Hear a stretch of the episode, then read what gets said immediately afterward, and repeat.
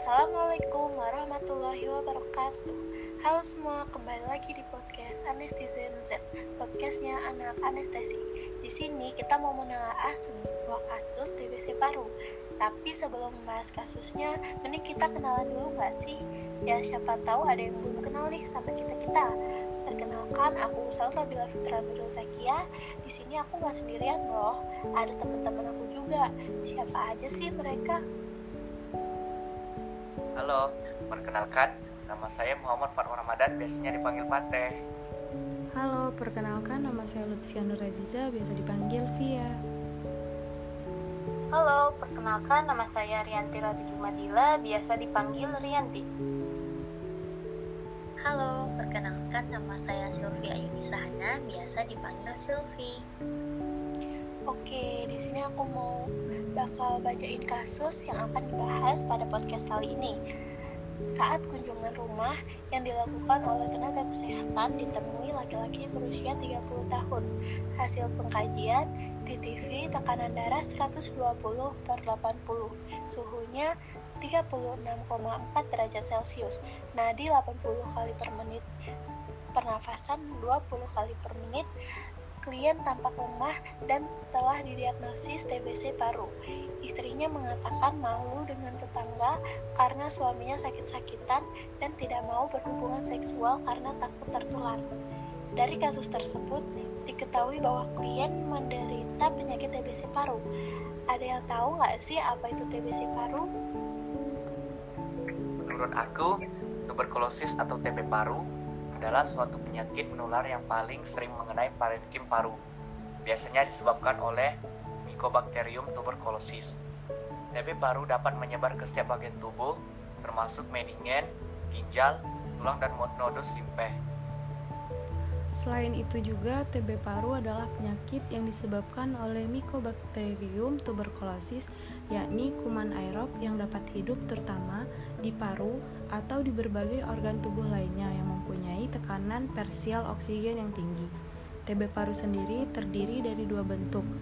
Yang pertama, tuberkulosis primer terjadi pada infeksi yang pertama kali dan tuberkulosis sekunder kuman yang pertumbuhannya pada tuberkulosis primer akan aktif setelah bertahun-tahun kemudian sebagai infeksi endogen menjadi tuberkulosis dewasa. Nah, bagaimana sih penularan TBC paru ini dan siapa sih yang rentan tertular TB paru ini? Jadi, penularan TBC paru itu terjadi saat batuk atau bersin penderita TBC dapat menyebarkan kuman yang terdapat dalam dahak udara. Dalam sekali batuk, penderita TBC dapat mengeluarkan sekitar 3000 percikan dahak. Bakteri TB yang berada di udara bisa bertahan berjam-jam, terutama jika ruangan gelap dan lembab. Sebelum akhirnya terhirup oleh orang lain. Umumnya, penularan terjadi dalam ruangan di mana percikan dahak berada dalam waktu yang lama.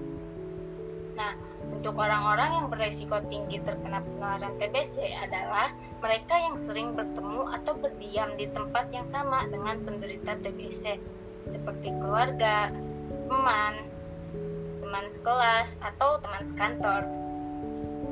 Nah, benar nih. Selain itu, ada juga beberapa kelompok yang rentan terhadap paparan bakteri atau kuman penyebab TBC yaitu seseorang yang memiliki imunitas tubuh rendah, contohnya pengidap HIV, diabetes, gangguan ginjal, kanker, hingga malnutrisi.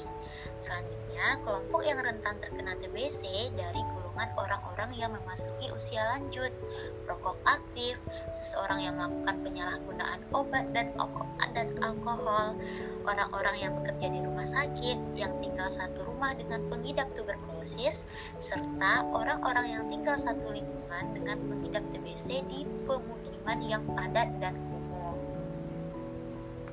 Nah, teman-teman, ada beberapa cara nih untuk menghindari TBC paru. Yang pertama, tutupi mulut saat bersin, batuk, dan tertawa, atau menggunakan tisu untuk menutup mulut dan jangan lupa buang setelah digunakan. Yang kedua, tidak membuang dahak atau meludah sembarangan. Yang ketiga, pastikan rumah memiliki sirkulasi udara yang baik, misalnya dengan sering membuka pintu dan jendela agar udara segar dan sinar matahari dapat masuk. Yang terakhir, tidak tidur sekamar dengan orang lain sampai dokter menyatakan pasien TBC yang dideritanya tidak lagi menular lagi. Oh iya, dalam kasus ini istri klien merasa takut untuk berhubungan seksual dengan klien karena takut tertular. Gimana nih tanggapan kalian tentang ini? Kalau menurut aku, infeksi TB paru tidak ada hubungannya terhadap larangan untuk beraktivitas seksual antara suami istri. Bakteri TB hampir tidak ada riwayat ditemukan di dalam sperma atau cairan, kecuali jika bakteri TB menginfeksi organ kelamin, yang merupakan kasus yang sangat jarang sekali. Jadi, penularan TB tidak terjadi melalui kontak seksual, Bakteri TB paling sering menyerang organ paru dan pola penularannya adalah melalui kontak udara atau droplet. Nah, aku tambahin lagi nih. Jika seseorang berhubungan seksual dan tertular TB, maka penularannya merupakan paling mungkin melalui jalur droplet atau kontak udara misalnya pasien sedang batuk-batuk banyak saat berhubungan seksual tentu saja dapat tertular atau menulari pasangan seksualnya. Namun penularan TB tidak terjadi begitu saja. Bagaimana penularan TB pada orang dewasa melibatkan berbagai faktor, termasuk sistem imun orang itu sendiri. Kalau menurut aku, yang paling penting sih jika salah satu pasangan seksual menderita TB, maka segeralah berobat dalam masa pengobatan bakteri TB biasanya akan berkurang dan melemah, dan peluang untuk menularkan pasangan akan menurun. Pengobatan akan terus dilanjutkan hingga bakteri TB tidak ditemukan lagi di dalam paru dan pasien menunjukkan perbaikan dari gejala. Nah, kita sebagai calon penata anestesi juga harus tahu bagaimana sih proses keperawatan pasien penderita TBC paru. Menurut kalian gimana nih? Oke, kalau menurut aku, untuk proses keperawatannya, pertama kita tentukan diagnosa keperawatan pada kasus ini, yaitu intoleransi aktivitas berhubungan dengan keletihan dan pola pernapasan tidak efektif berhubungan dengan TBC paru. Yang kedua, melakukan tahap intervensi atau perencanaan berupa kaji fungsi pernapasan seperti bunyi nafas, kecepatan, irama, kedalaman, dan penggunaan otot bantu aksesori.